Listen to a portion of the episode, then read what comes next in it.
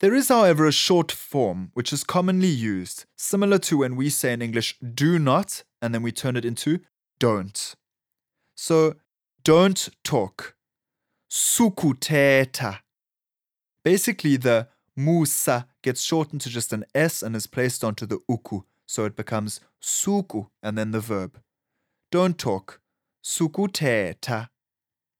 Plural, we take the sun from musani, and that sun links onto the uku again, and we get sanuku. So don't talk, y'all. Sanukuthetha. To one person, don't hurry. Suku kauleza. To a group, sanuku kauleza. Do not go home to one. Suku goduka.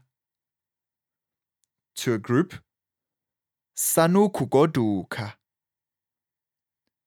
The verb for telling a lie is xoka. So if you wanted to say to someone, do not lie, you would say, sukuxoka.